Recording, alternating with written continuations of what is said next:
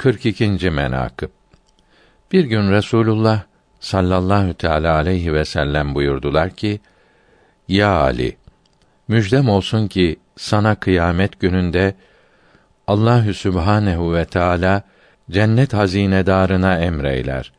Her kim cennete girerse ya Ali senden senet almayınca Hazreti Rıdvan cennete koymaz.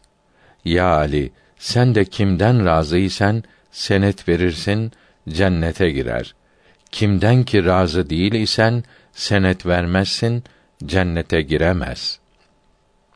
Hatta bir gün yolda giderken Hazreti Ali, Hazreti Ebu Bekr radıyallahu teâlâ anhüma ile buluştular.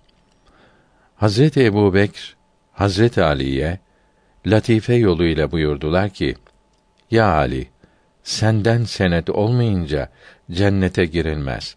O zaman da bana senet verir misin? Hazret Ali buyurdular ki: Gerçek buyurursun.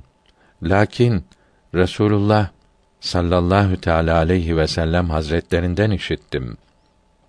Ya Sıddık, Hazretinize danışmayınca bir ferde senet vermem. O takdirce Cenabınız bizim üzerimize nazır gibi olursunuz. Bizim senedimize ne ihtiyacınız olur?